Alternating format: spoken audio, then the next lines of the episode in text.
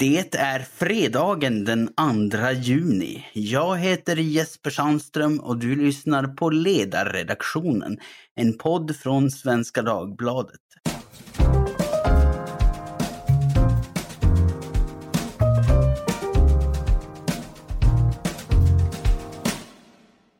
Jag ska börja med en sakupplysning här från den eh, nordligare delen av landet. För igår så inledde ju Andreas Eriksson podden med att välkomna lyssnarna till den första ljuva junidagen och man kunde ju liksom höra sommarsolen i hans röst när han sa det.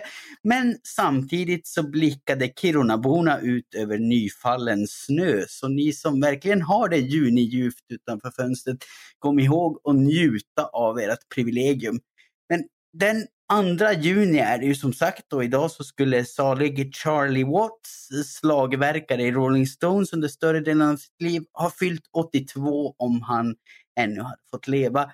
Och om han lärde oss något utöver vikten av att vara vänlig och välklädd så är det nog att i det enkla bor det vackra. Man behöver inte hålla på och krångla till det i onödan, vare sig inom musiken, politiken eller livet i övrigt. Så det ska inte jag heller göra, utan jag går rakt på sak, pang på rödbetan och välkomnar tre eminenta kollegor för att summera veckan som har gått.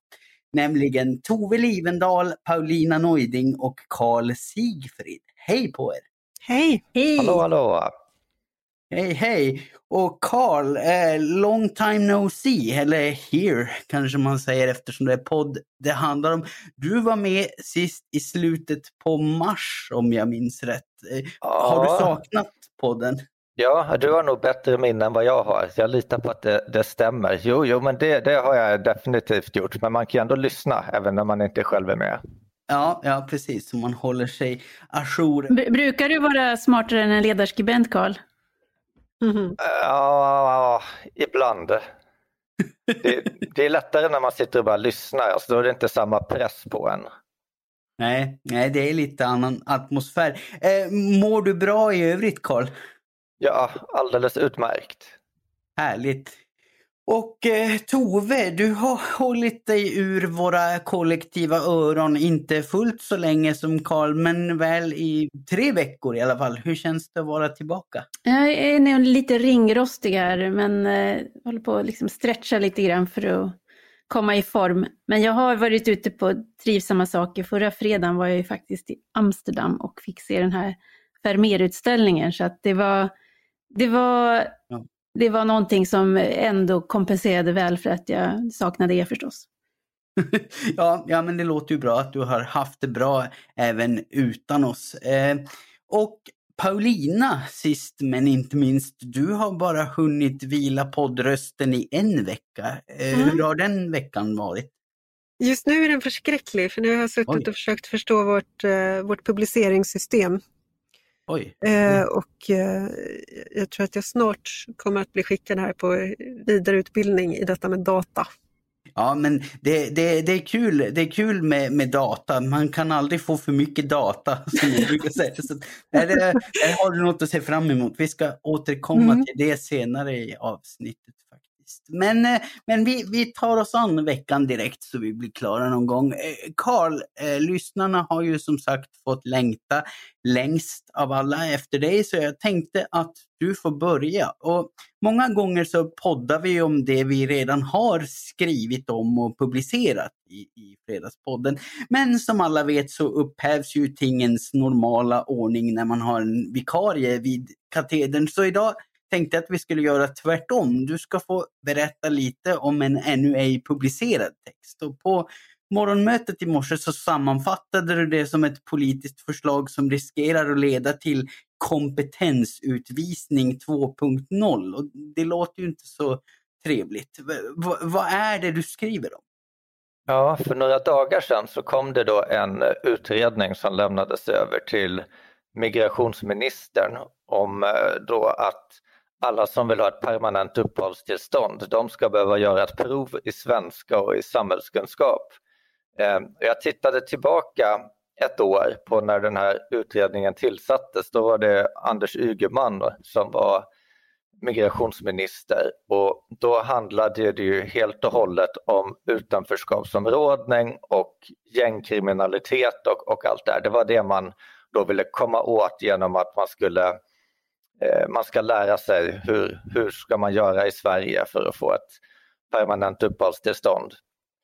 Eh, och det som är, men när man sedan tittar på det här förslaget och vad, vad det kommer bli för konsekvenser av det, om man läser konsekvensanalysen som står i, det här, i den här utredningen, då handlar det om företag som inte kan få tag på de civilingenjörer de behöver och techföretag som inte får eh, Eh, IT-kompetens, eh, universitet som inte kan anställa eh, forskare som ofta är anställda på ganska korta kontrakt och så vidare. Så, det, så det, det, verkar som att det slår åt ett helt annat håll än vad det var man tänkte. Eh, för att om det bara handlar om att folk som, folk som eh, eh, bor i utanförskapsområden, att de ska förstå svenska värderingar så vore det ju ganska okontroversiellt. Men, men eh, alltså det verkar som att man, man försöker lösa ett problem men man gör någonting som får konsekvenser som inte påverkar det man, man vill åt utan, utan det påverkar något helt annan del av samhället. Så att liksom folk som hade kunnat komma hit högkvalificerade och börja jobba i princip direkt, de skulle då istället behöva lägga tid på att lära sig sätta sig in i detaljerat både svenska värderingar och det svenska språket. Say hello to a new era of mental health care. Cerebral is here to help you achieve your mental wellness goals with professional therapy and medication management support. 100% online. You'll experience the all new Cerebral Way, an innovative approach to mental wellness designed around you. You'll get a personalized treatment plan from a therapist, prescriber, or both in a safe and judgment free space. Your cerebral therapist or prescriber will outline a customized plan with clear milestones along the way so you can get to feeling your best. With Cerebral, you're not alone in your mental health journey. We're here to empower you to live a fulfilling life. So take that first step towards a brighter future and sign up today at cerebral.com slash podcast and use code ACasts to get 15% off your first month. Offer only valid on monthly plans. Other exclusions may apply. Offer ends July 31st, 2024. See site for details. Ja, li lite så. Alltså man, eh, Eh, om man kommer som eh, arbetskraftsinvandring så har man väl ofta då ett, ett tillfälligt uppehållstillstånd först och det, det kan man ju ha utan att behöva då plugga svenska och samhällskunskap. Men om man sen då vill stanna kvar på det jobb man har och att det då ska övergå ett permanent tillstånd, då måste man då sätta sig i SFI-bänken först. Ja, och, och liksom, hur, hur långtgående tänker man sig att det här kommer att bli? Alltså, vad, vad är det för konsekvenser man ser framför sig? Det är alltid jättesvårt att, att veta exakt vilka konsekvenserna blir men en tydlig konsekvens det är att när du har någon som eh, då ska bestämma sig, ska jag till Sverige eller ska jag bege mig någon annanstans eh, för att ta ett IT-jobb eller ett forskarjobb eller vad det nu kan vara.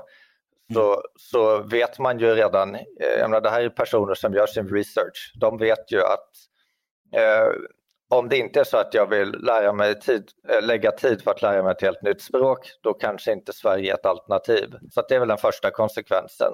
Mm. Paulina, när, när du hör Karl redogöra för det här förslaget, vad, säger, delar du hans oro eller ser du det på något annat sätt? Nej, vi hade ju ett samtal om det här på morgonmötet och vi kom fram till att vi var inte överens om det här. Alltså, folk som kommer hit som eh, högutbildad arbetskraft har ju på många sätt särskilt goda förutsättningar att lära sig svenska. Och Sverige är ett samhälle. Vi, här, man, man, kommer alltså till en plats med ett språk och det språket är svenska. Och eh, ska man bidra till Sverige på ett konstruktivt sätt så handlar det inte bara om att man jobbar utan att man förstår språket omkring sig och talar språket omkring sig.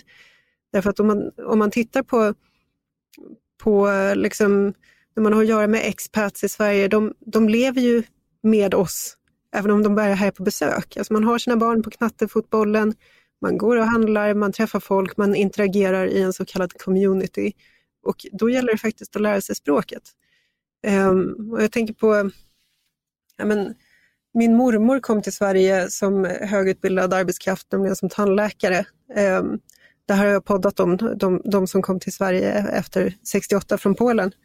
Ehm, och den här gruppen hade då, jag tror att det var ett halvår ungefär, så fick man intensiv utbildning i svenska. Ehm, kanske lite mer, kanske lite mindre, men ungefär ett halvår. Och sen fick man ta ett prov vid Uppsala universitet för medicinsk personal och sen var det ut och jobba. Och eh, min mormor då som var 43, hon gjorde det här. Hon lärde sig svenska på ett halvår. Eh, och, och, jag tänker liksom så här, eh, det har inte blivit svårare sedan, sedan 1969 så jag, jag har liksom svårt att, svårt att se varför eh, lite finare, så att säga, lite tjusigare invandrare skulle ha, alltså i det här, i, i det här sammanhanget, då, de, de som är högutbildade, varför de inte skulle ha krav på sig att bli en del av det svenska samhället, att kunna komma in i det svenska samhället. Ja, men alltså man, man, kan väl argumentera för att de skulle kunna och skulle ha goda förutsättningar att bli det ändå, även om de inte har formella krav på sig att lära sig svenska efter en viss tid, så att säga. Att, att, de, att de lär sig organiskt i kraft av sin interaktion med ja, men Man lär sig inte språk organiskt i kraft av interaktion. Alltså det, fin ja. det finns så mycket myter om hur det här med språk fungerar. Och en ständig tendens att överskatta vår förmåga när det gäller engelska. Alltså på arbetsplatser och på, på utbildningar där det pratas engelska. Det, det kan bli en ganska fattig halvspråkighet av alltihopa, någon slags globish som inte riktigt är engelska utan som är någonting annat. Eh, det är inte helt bra. Det, det gör oss inte liksom eh, international i största allmänhet utan det, det blir mer en, en fattig sak. Ja, och det, och det kan man väl problematisera, men, men alltså, det är ju inte så att det är omöjligt att lära sig organiskt. För jag tänker på min egen mormor som kom från Finland som tämligen lågutbildad arbetskraft, ja. barnflicka då, och ju helt enkelt fick lära sig organiskt och, och det gick det med. Så, men, men eh, Karl, vad säger du? Alltså, när, när du hör Paulinas invändningar, tycker du att de kan vara rimliga i någon mån? Ja, alltså en, en sak jag tror man ska nämna också det att vi, vi pratar om permanent uppehållstillstånd och det är visserligen någonting varaktigt men det är inte samma sak som medborgarskap för där finns det en, ett parallellt spår att vill man vara en del av, av samhället fullt ut och rösta och så vidare då, då är det bra att man vet vad som pågår omkring en och att man förstår de debatter som förs. Eh, så att här handlar det ju eh, in, inte om att man, man får någon sån rättighet annars är det kanske liten en fråga om tycke och smak också, hur mycket man så att säga, accepterar att, att folk eh, pratar dålig engelska istället för svenska. Det, det är ju det, det, är svårt att säga någonting rent eh, säga, objektivt om det, vad, vad som är acceptabelt. Men jag tror de flesta kan ju ändå göra sig förstådda eh, någorlunda väl. Det, så jag, jag ser ja, men alltså, det... Engelska, alltså, objektivt eller inte vet jag inte, men engelska är ju inte officiellt språk i Sverige utan det är svenska som är det officiella språket i Sverige. Eh, och, och ska man vara med, ska man bo här, ska man bidra, då, eh, alltså vi, vi har en sån tradition av att vara så fruktansvärt jag-svaga i det här landet. Att vi, liksom, eh, vi har ett språk som håller ihop oss och som vi förstår varandra på.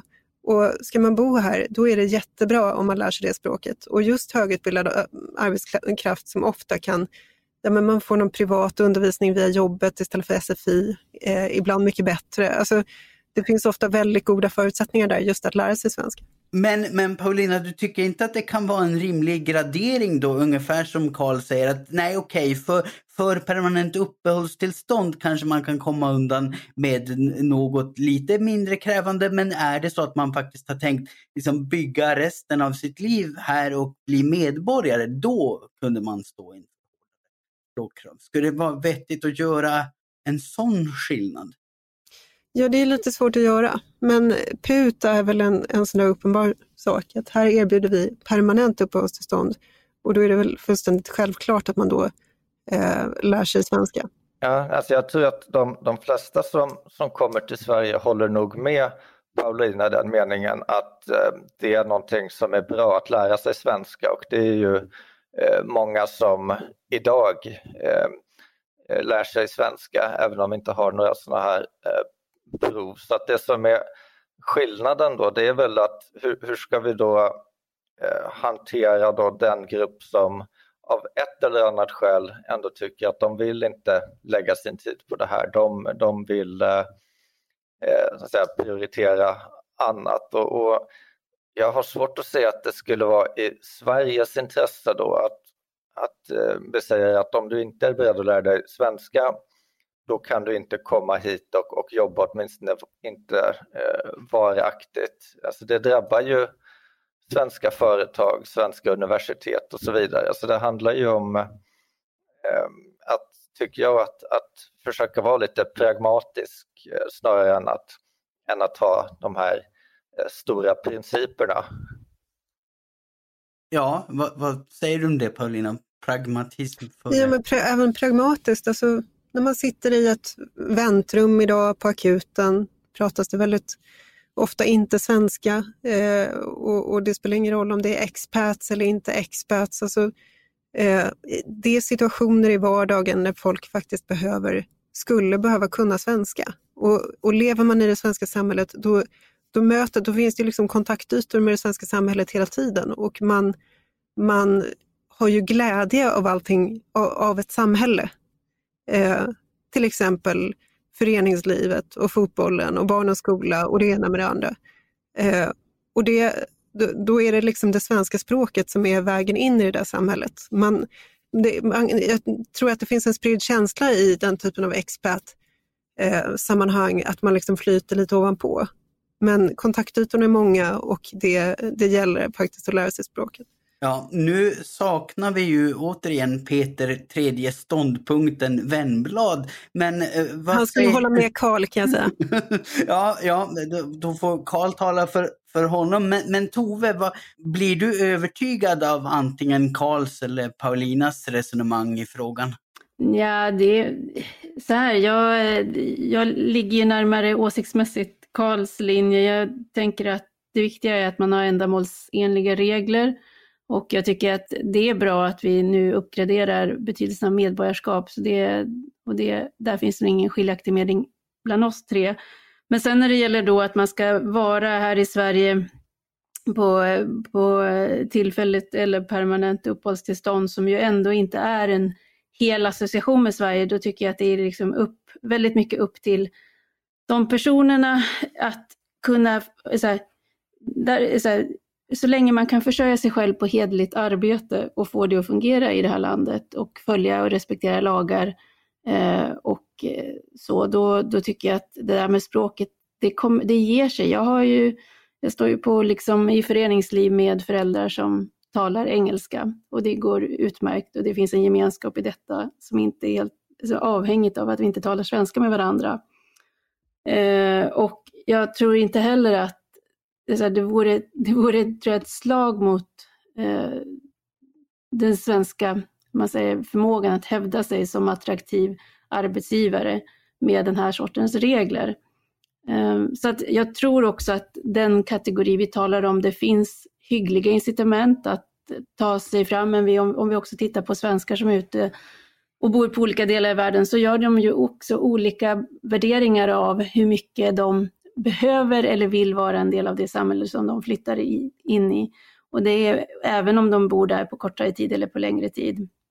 Så att en del som flyttar till Kina lär sig mandarin, en del gör det inte utan de går, har sina barn på internationella skolor och befinner sig delvis då i ett, ett expert community, eh, medan andra som kanske flyttar till, till eh, länder där också det, det, är enklare att komma in i språket det är inte så stor ansträngning. Så att jag, jag tror att det är eh, att man ska försöka hålla fast vid ändamålsenligheten som princip.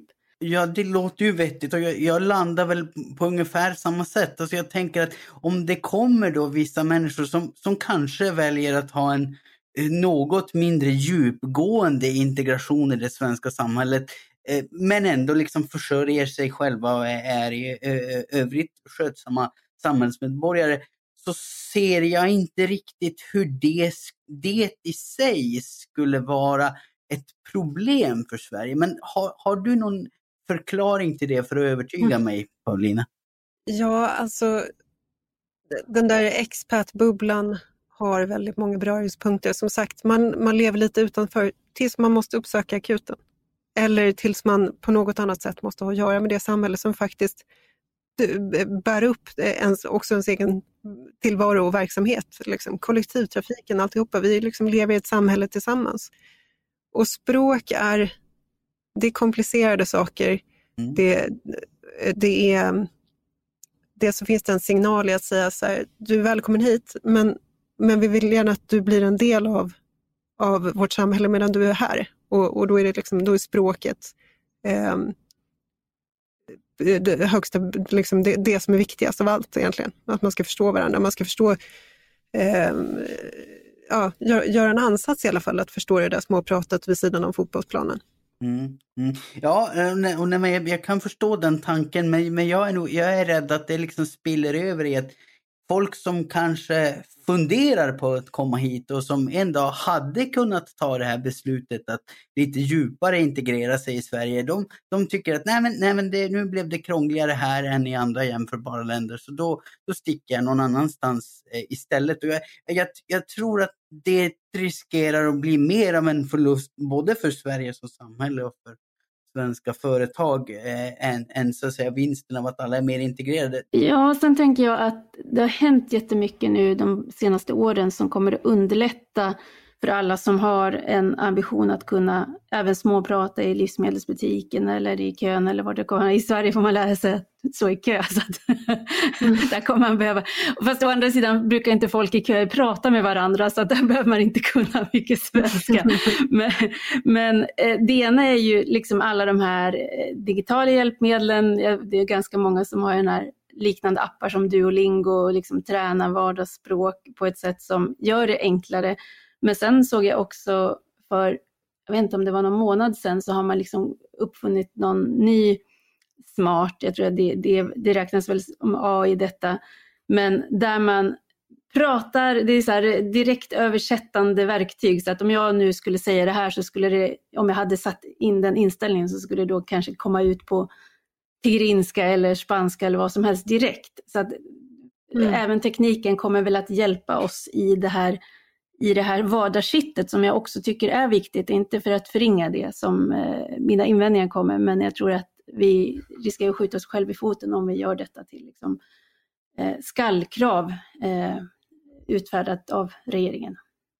Mm. mm. Och, och, och, jag menar Paulina, jag har full förståelse för din invändning om det här att vi, vi haft eh, alltså, alldeles för mycket så, låt gå och det löser sig mm. attityd att ja, ja, men integrationen kommer väl någon gång på sikt. Eh, men, men samtidigt tror jag att i just den här gruppen av ändå rätt eh, högutbildade personer, om de har för avsikt att faktiskt integrera sig i samhället, då, då har det nog betydligt bättre förutsättningar att ske organiskt än så att säga eh, asylsökande som kommer och, och, lever i områden tillsammans där de kanske aldrig ens behöver möta det svenska språket och, och kanske inte upplever något personligt behov eller jättestor nytta av att, att integrera sig i, i, i språket.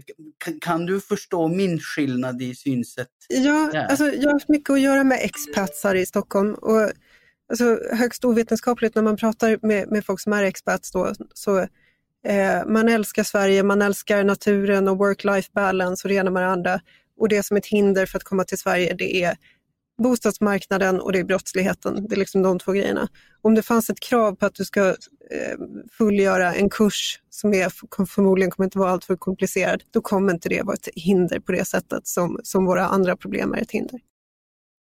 Karl, du, du menar ju ändå att de, de, de, landar i att det förmodligen skulle bli ett hinder för många. Vad, vad säger du då om Paulinas invändning att det är en så liten grej så att det är egentligen knappt väsentligt som hinder? Ja, men det är ju säkert så att de, de, den grupp som vi talar om nu, det är de som har den, den bästa förutsättningen att lära sig svenska. Så är det ju om man, eh, man, man eh, så att säga, talar och skriver och så vidare flytande på ett språk redan och, och eh, kanske på eh, engelska plus sitt eget modersmål. Så, det, det är, så, så, är det ju säkert eh, och det är också någonting som de nämner i utredningen. Eh, och det är också någonting som sagt som många gör alldeles oavsett om vi har eh, krav på det eller inte, att många vill lära sig svenska och, och gör det eh, i sitt eget tempo. Sen så ett väldigt vanligt klagomål för folk som kommer till svenska och gärna pratar lite svenska när de träffar folk, det är ju att svenskar väldigt snabbt eh, eh så att säga, avfärdar det och börjar prata engelska med dem så fort det, det knackar lite i, i svenskan. Eh, så att jag tror att det är, det är snarare så att väldigt många svenskar tycker om den här möjligheten. Ja, nu får jag möjlighet att prata lite engelska och träna på det. Så får de där stackarna som då vill träna på svenska, ehm, får inte göra det. Det, det är ju väldigt vanligt förekommande. Det har jag hört många som har nämnt. Ja, ja, det är nog gemensamt också för alla mina utrikiska bekanta. Ja, nej men hörni, då har vi väl behandlat den frågan ganska så ehm, uttömmande. Så att eh, då har det blivit dags att gå vidare till nästa ämne som väl får sägas ha varit veckans stora snackis. Och nu är det kanske några av er som tänker fotboll och läktarvåldet i Stockholm när jag säger snackis, men Nej, och, och, jag ville mest beröra det för att visa att jag, jag, är inte helt bortkopplad från nyhetsflödet. Men däremot så är jag så fruktansvärt dåligt insatt i den frågan, i de olika föreslagna åtgärderna och deras eventuella risker och förtjänster. Så jag känner inte att jag kan programleda en diskussion i det ämnet med någon som helst trovärdighet eh, och, och låter därför bli. För det, det lär väl tyvärr inte bli sista gången frågan är aktuell och då hanteras den rimligen i framtiden av vår väsentligt mer insatte ordinarie redaktör. Så då vet ni det. Och sen kan man ju läsa Paulina Neudings text om det här imorgon. Det kan man, om, om jag lyckas få den att fastna på sidan. Ja, ja, ja men, jag måste stanna på jobbet hela dagen. Det, det, ska säkert gå bra, men då har, då har ni det att se fram emot i morgondagens tidning i alla fall, även om jag hoppar över det nu. Det jag tänkte på när jag sa veckans snackis, det var Jamal El-Haj, socialdemokratisk suppleant i utrikesutskottet som har varit i blåsväder sedan han gick på kontroversiell konferens förra helgen. Och det här har du skrivit inte bara en utan två texter om, Tove. Vad, vad är det som har hänt egentligen? Ja, eh, det var ju två ganska korta texter i och för mm. sig, men eh, det, är, det, har ju hållits en stor europeisk Palestinakonferens i Malmö och eh, Sydsvenskan avslöjade att ordföranden för den här konferensen, Amin Abu Rashid, att han då från flera håll, både experter men också från både israeliska och palestinska myndigheter, sägs ha kopplingar till terrorgruppen Hamas. Eh, och det här fick då de partier vars riksdagsledamöter var inbjudna, nämligen Socialdemokraterna, Vänsterpartiet och Miljöpartiet, det fick de alla att fatta beslutet att avråda sina riksdagsledamöter från att bevista konferensen eftersom det då skulle kunna vara en legitimering av det. Och man ville inte det. Eh, och eh, nämnde Jamal El-Haj, eh, ja, gick emot sin, sitt sitt partis rekommendation och medverkade där som talare. Mm. Mm.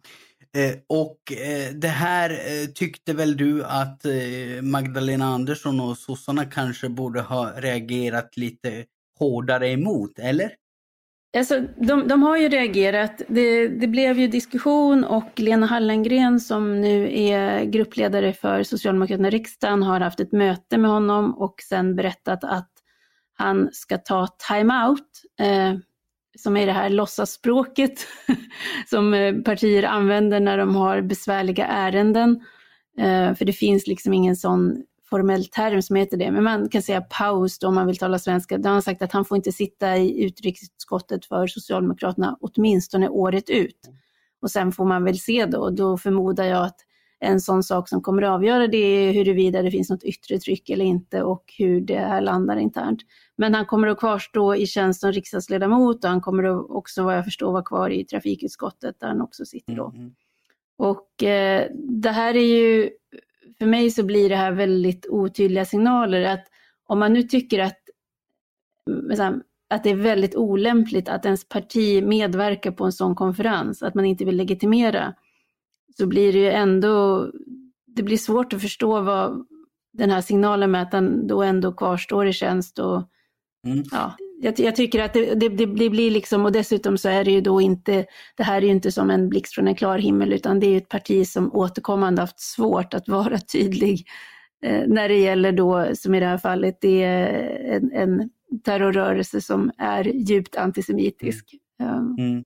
Så det, det, här tycker jag är problematiskt. Ja, nej, jag, jag, tycker också det var märkligt att höra Magdalena Andersson i Studio 1 när hon, när hon pratade om det här liksom time-out-statusen och hans möjlighet att komma tillbaka till, till utrikesutskottet så kvalificerar hon inte det på något sätt. Liksom. Det, det, är ingen förklaring av, av vad den här time-outen ska leda till, liksom hur, den, hur den på något vis eh, rehabiliterar eller Eh, kompenserar för hans olämpliga agerande. Utan det verkar mest som att ah, nej, han får springa och gömma sig medan det blåser och sen när allt det här är glömt så får han komma tillbaka igen. Ja, och sen ska man ju också säga att eh, Jamal El-Haj själv har ju verkligen stått fast vid att han inte ser att det var eh, något konstigt att delta här, utan han har ju snarare beklagat, han har sagt att han tycker att hans eget parti viker ner sig för kritiken.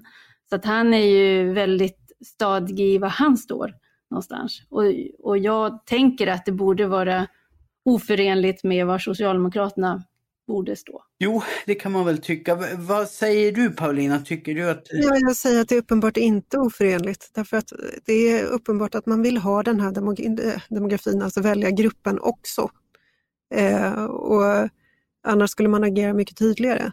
Eh, och här finns ju en förhistoria också. Alltså, Ilmar Reepalu, 20 år som kommunalråd i Malmö, eh, han uttryckte sig antisemitiskt upprepade gånger så till en grad att Barack Obama fick skicka ett sändebud mot antisemitism till Malmö för att tala med Ilmar Reepalu. Och när hon kom ut ur det mötet så sa hon, jag vet inte vad som finns i hans hjärta, men det språk han använder är antisemitiskt.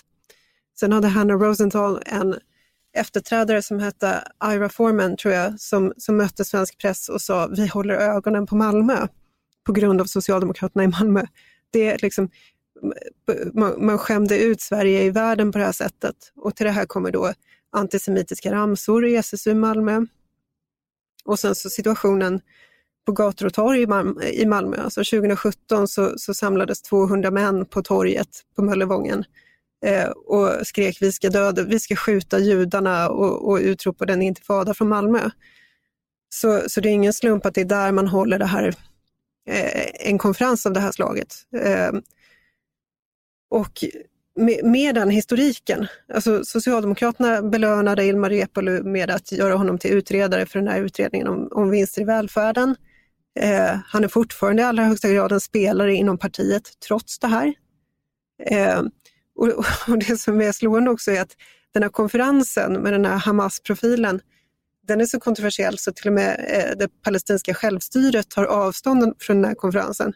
Och, och det palestinska självstyret som leds då av, eh, av Abbas som har alltså en, eh, han har doktorerat i förintelseförnekelse. Alltså, det, det, är rätt, det är rätt påtagligt att, att det här liksom, eh, betraktas som, ett, som extremt till och med av självstyret.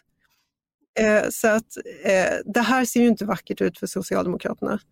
Eh, och det ser inte vackert ut för journalistkåren heller, hur det här bara kunde försvinna från dagordningen. Vi pratade om det i ett par dagar och sen så pratar vi inte om det längre. Och man undrar, liksom, hade det sett ut på ett annat sätt om Hamas hade fiskat ål? ja, kanske. Det, det, det, är en märklig syn framför sig att se Hamas ute i den blekingska skärgården. Det kanske vore bättre om de höll sig där än i Israel. Men Karl, hur, hur, reagerar du på den här händelsen? Liksom, tror, tror, du att det finns något genuint i att, att sossarna verkligen inte förstår problematiken eller är det så att de helt enkelt har en alldeles för hög grad av acceptans för sådana här värderingar?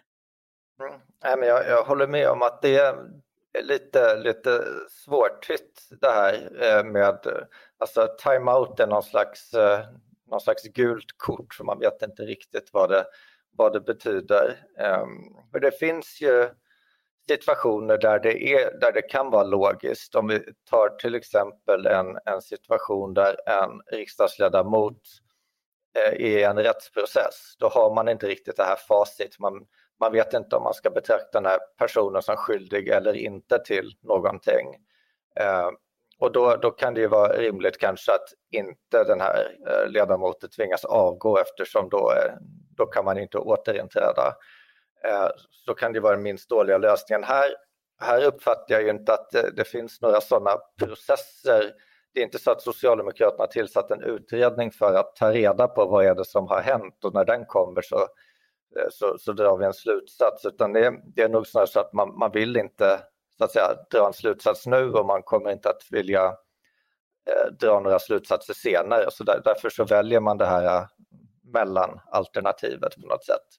Jag tycker ju att kanske det mest anmärkningsvärda är det här att som Magdalena Andersson tar honom tydligt i försvar och verkar liksom köpa hans förklaringar. Och han säger att nej, han kan inte se någon koppling mellan den här konferensen och, och extremister. Men, men det framstår, det argumentet framstår ju helt absurt för mig. För det räcker ju att googla konferensens namn så, så, så dyker det upp en uppsjö av exempel. Och hade han nu inte gjort det från första början så kanske, kanske man kan kräva att han skulle ha gjort det när partiet avrådde honom från att medverka. Nej men så är det ju uppenbarligen.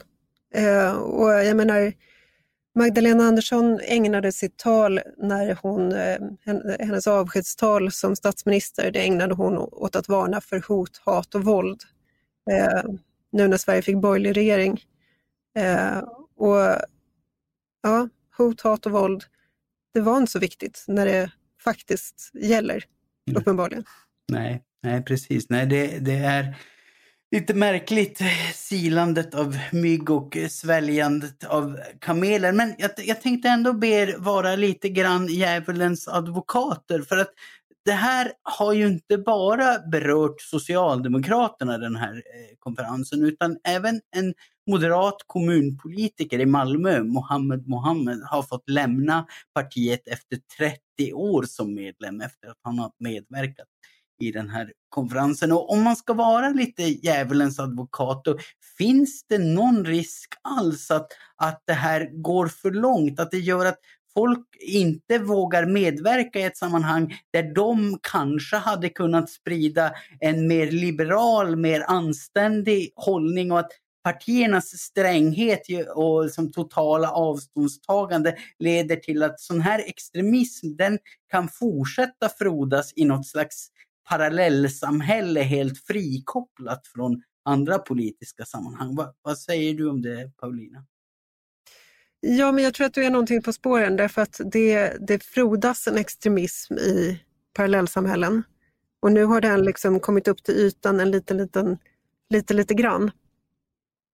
Eh, och man märker hur, hur svårt den svenska offentligheten har för att hantera det här, för att hantera den här typen av Alltså vi kan prata om, om saker, om problem inom majoritetssamhället men vi står liksom handfallna när det kommer till den här eh, nakna eh, hatiska extremismen.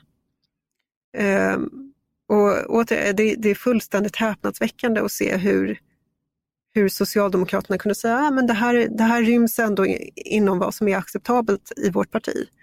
Och att medierna nöjer sig med det och går vidare till nästa fråga. Ehm, det, är, det är väldigt avslöjande.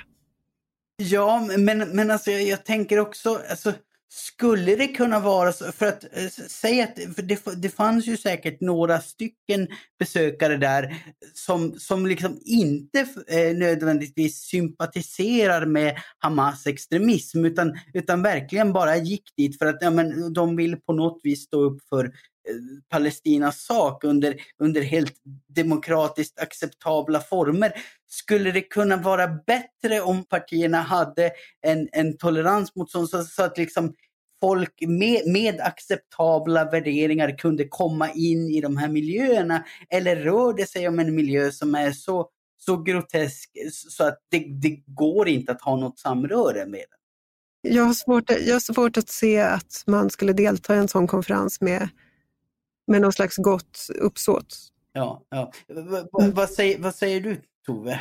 Ja, jag tycker att du tar upp en jätteviktig fråga. Eh, sen finns det två delar i det här. Det ena är det som Paulina är inne på med att vi har så väldigt olika måttstockar eh, i den svenska offentligheten och att även journalistiken ibland blir, blir biased i det man, man, man väljer att göra till en stor sak och det man då väljer att inte göra till en stor sak. Jag tänker att hade det varit en, en liksom eh, en moderat riksdagsledamot som hade varit på en, en liksom, ja, där det fanns eh, slags högerextrem, eh, våldsbejakande, en sån koppling, så tror jag Ulf Kristersson hade blivit jagad dag och natt. jag tror att vi hade haft en, ett annat, det hade uppfattats på ett annat sätt. Men så, så, det är en fråga. Den andra är ju det som du då säger, hur, hur liksom, var går gränsen? Hur är det inte liksom det här med att kunna samtalas alltså och försöka dela perspektiv och sådär. Och det, det går ju inte att säga, skulle jag säga generellt, utan man måste avgöra från fall till fall. Hur är inramningen? Vad, vad är det liksom för, för setting, om man får tala svengelska här nu då. Eh, och eh, där tänker jag ändå att det finns en slags gräns om man har att göra med krafter som ändå eh, så här, underblåser eller understödjer terroristiska handlingar, då är man ju liksom bortom någon förmåga att kunna resonera och samtala. Du sätter ju inte ner på en konferens med Vladimir Putin liksom. Eh, och, och diskuterar och säger att det är viktigt att alla perspektiv får höras, därför att en person som har eh, våldfört sig på gemensamma spelregler på det sättet kan man inte ha ett sådant samtal med, det går inte. Eh, och i det här fallet så är det ju då uppenbarligen, och det är det jag menar blir, blir inkonsekvent ifrån från Socialdemokraterna, att om man en, det är en sak om man säger stå för från början och säga att jo, vi tycker att det är helt okej okay att, att, att vi deltar på konferenser där det finns sådana här kopplingar eh, och vi står bakom Jamal El-Hajs eh, medverkan där. Han får tala och han får kramas med mötesordföranden och sådär, för vi tycker att det är viktigt med dialog. Fine, då har de ju en, en linje som håller.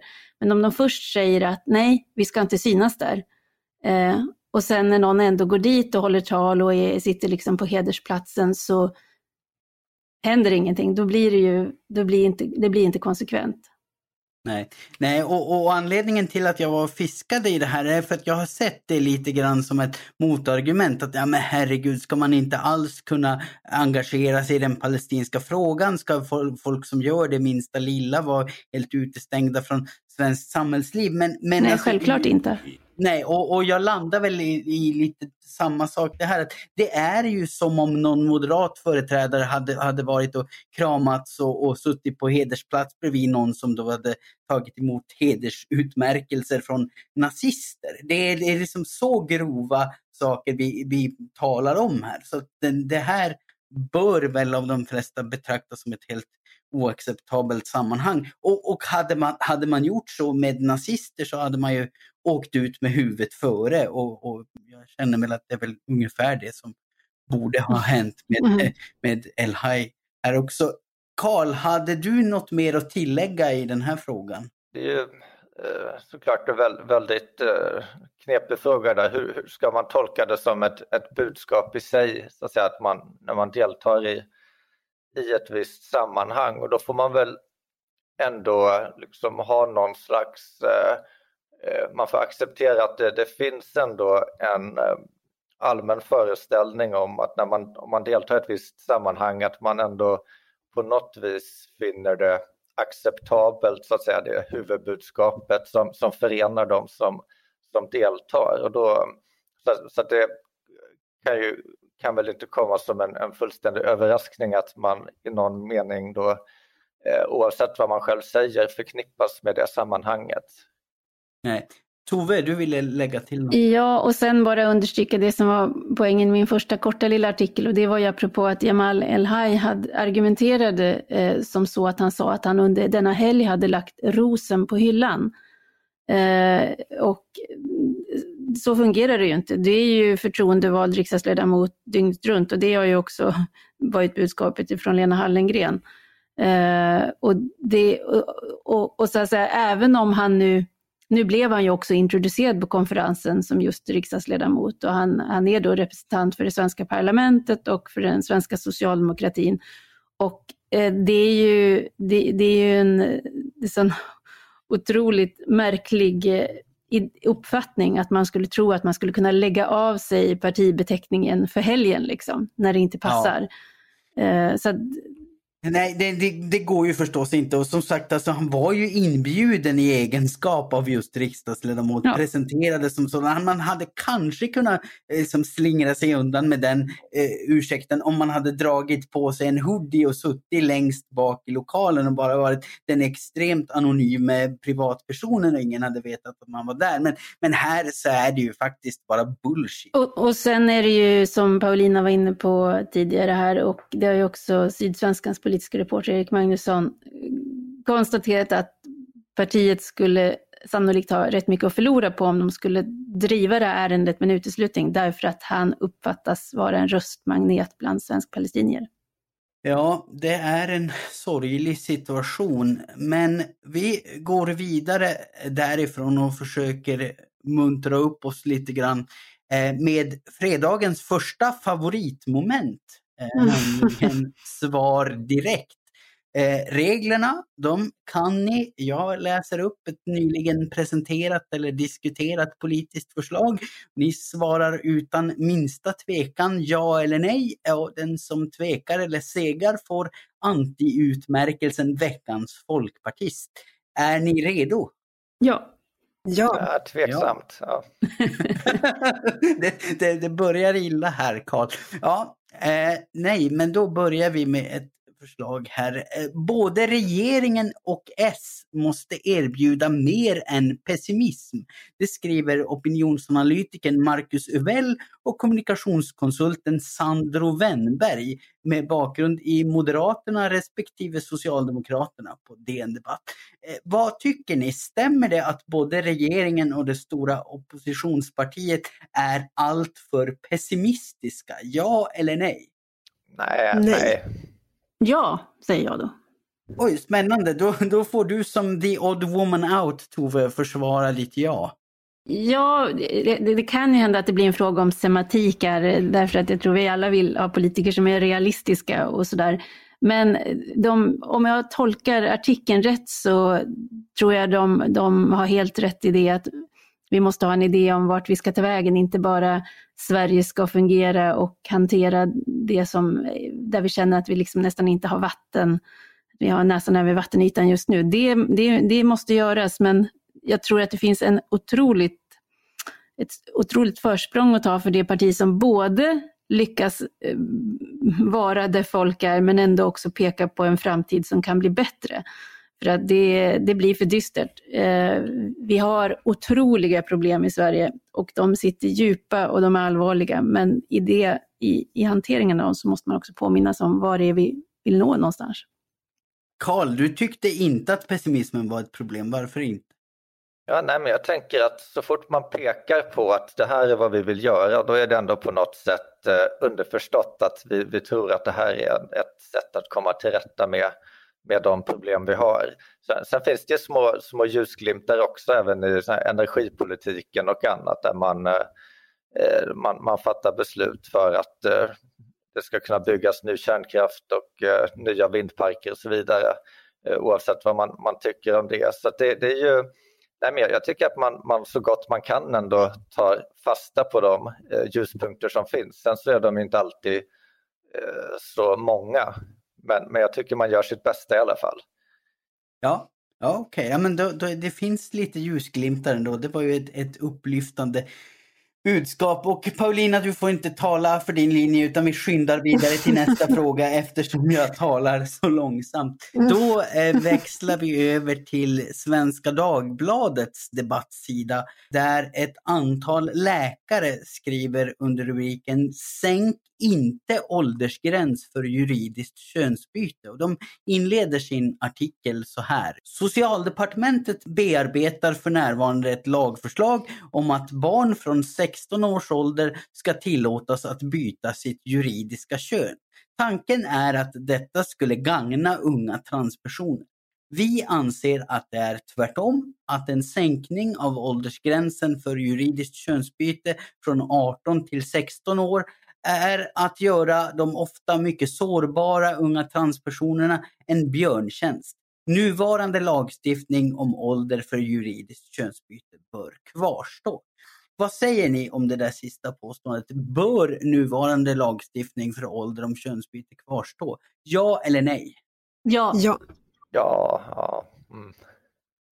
Ja, och, och där knorrade Karl lite så du får bli the, the odd man out då. Varför knorrade du? Ja, det här blir ett väldigt tråkigt icke-svar då, men alltså det, den stora frågan, alltså det, det är klart att det, det, är problematiskt att, att fatta beslut som man sen kanske ångrar i livet och som är oåterkalleliga. Ehm, så det, det, blir väl lite en fråga om alltså hur, hur, vanligt är det att, att man fattar ett sånt här beslut och sen ångrar det senare och lider av det. Sen finns det omvända situationen också såklart att, den, att det är någon som lider av att de inte får eh, genomföra en sån här procedur. Så det, det, alltså det, det, är svårt och jag, jag skulle vilja liksom se några stapeldiagram först. ja, men det, så det, det, finns ju i artikeln. Eller det står ja, jag får erkänna ja. att jag inte har läst den. nej, nej, nej, så du, du kanske hade låtit dig övertygas av den. Men Paulina, vad säger du? Varför ska den nuvarande Jo, alltså det här är ju en av de stora stora skandalerna som har skett i vår tid. De, det är antal hundra barn i Sverige som har utsatts för medicinsk så kallad behandling. Eh, det, är, alltså det som hände i Sverige var ju att Socialstyrelsen kom ut med nya riktlinjer som innebar att man nu bara i undantagsfall låter minderåriga gå igenom den här medicinska proceduren. Eh, det är inte längre så att föräldrar som inte samtycker till sånt här riskerar orosanmälan som det var förut, utan nu krävs föräldrars samtycke. Alltså det, har skett, det har verkligen skett en tillnyktring här i Sverige.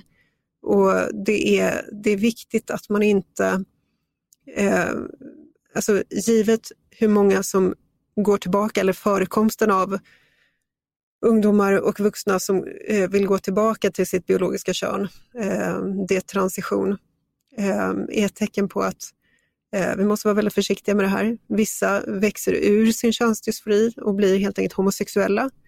Ehm, det, det, finns inte skäl att möta, det finns inte tillräckliga skäl att möta till exempel feminina homosexuella killar som sen blir homosexuella. Och det finns inte skäl att bemöta dem med, ja men du kanske egentligen är en flicka. Det är inte, eh, det, det, är snarare homofobt på, på ett sätt. Och, och, och, det, är väl, det är väl en bredare eh, diskussion egentligen, men, men man kanske kan sammanfatta din invändning då mot, mot tidigare ålder för juridiskt könsbyte att eh, de, de, potentiella skadeverkningarna av det riskerar att ja. vara större än vinsterna i, i ett folk. Ja, och jag menar det juridiska könsbytet, det är ju inte något medicinskt så, men det, men det är fortfarande att att gå in i någonting som kan anstå tills man är vuxen, tills hjärnan är färdigutvecklad, tills man har liksom hunnit bearbeta sin könsdysfori. Hos många försvinner den.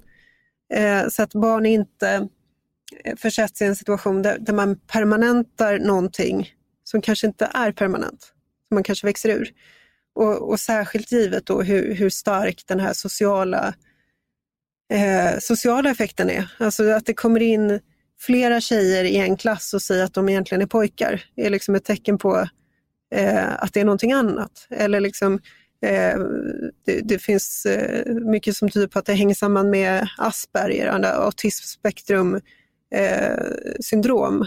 Eh, är vi verkligen, behandlar vi de här patienterna på bästa sätt om vi, om vi börjar tala om eh, transition och så vidare. Så att, stor, stor försiktighet och eh, givet den skada som redan har, har skett, som, eh, det, de hemskheter som många barn redan har, har utsatts för. Mm, mm, ja, jag förstår.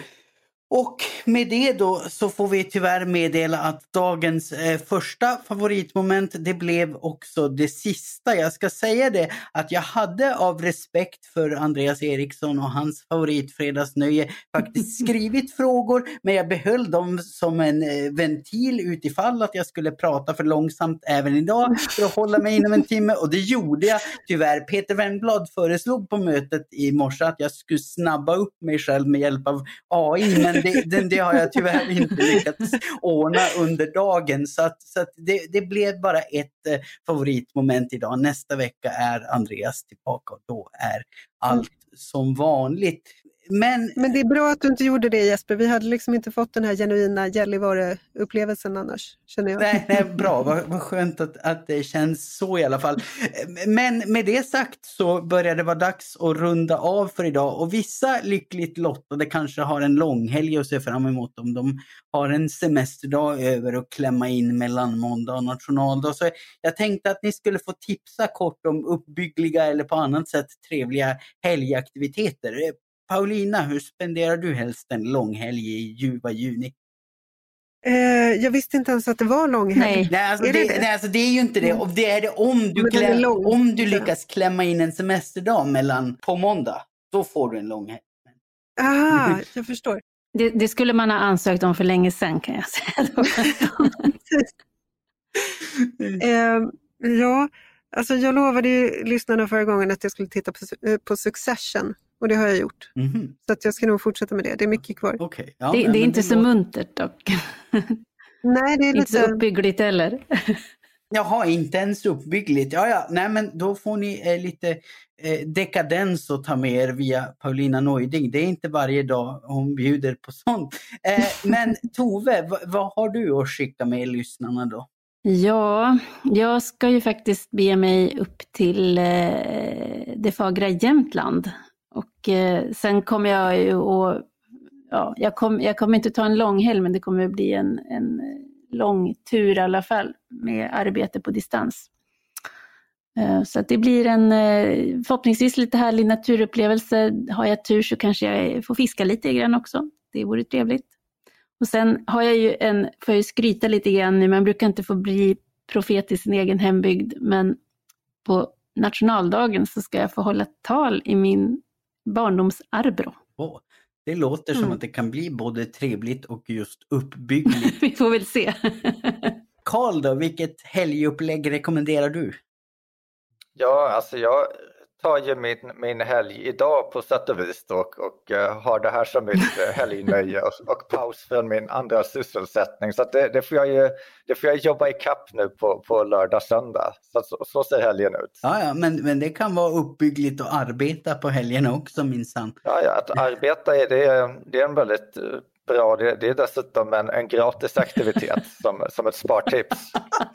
My, mycket bra Karl, mycket uppbyggligt. Eh, och eh, ja då, vad ska jag göra? Ja, som jag berättade i poddens inledning så har ju vädret här uppe inte varit så där fantastiskt juniljuvt precis och det verkar förbli lite halvtråkigt över helgen. Så jag ska nog bortom andra måsten passa på att spela lite datorspel och jag tänkte i samma veva passa på att tipsa om en text som delvis rör just det. För vi saknar ju Andreas i våra öron just idag, men han kommer att uppenbara sig inför våra ögon i söndagens tidning i en kort, vacker och sorglig text i högermarginalen under rubriken So long nerds.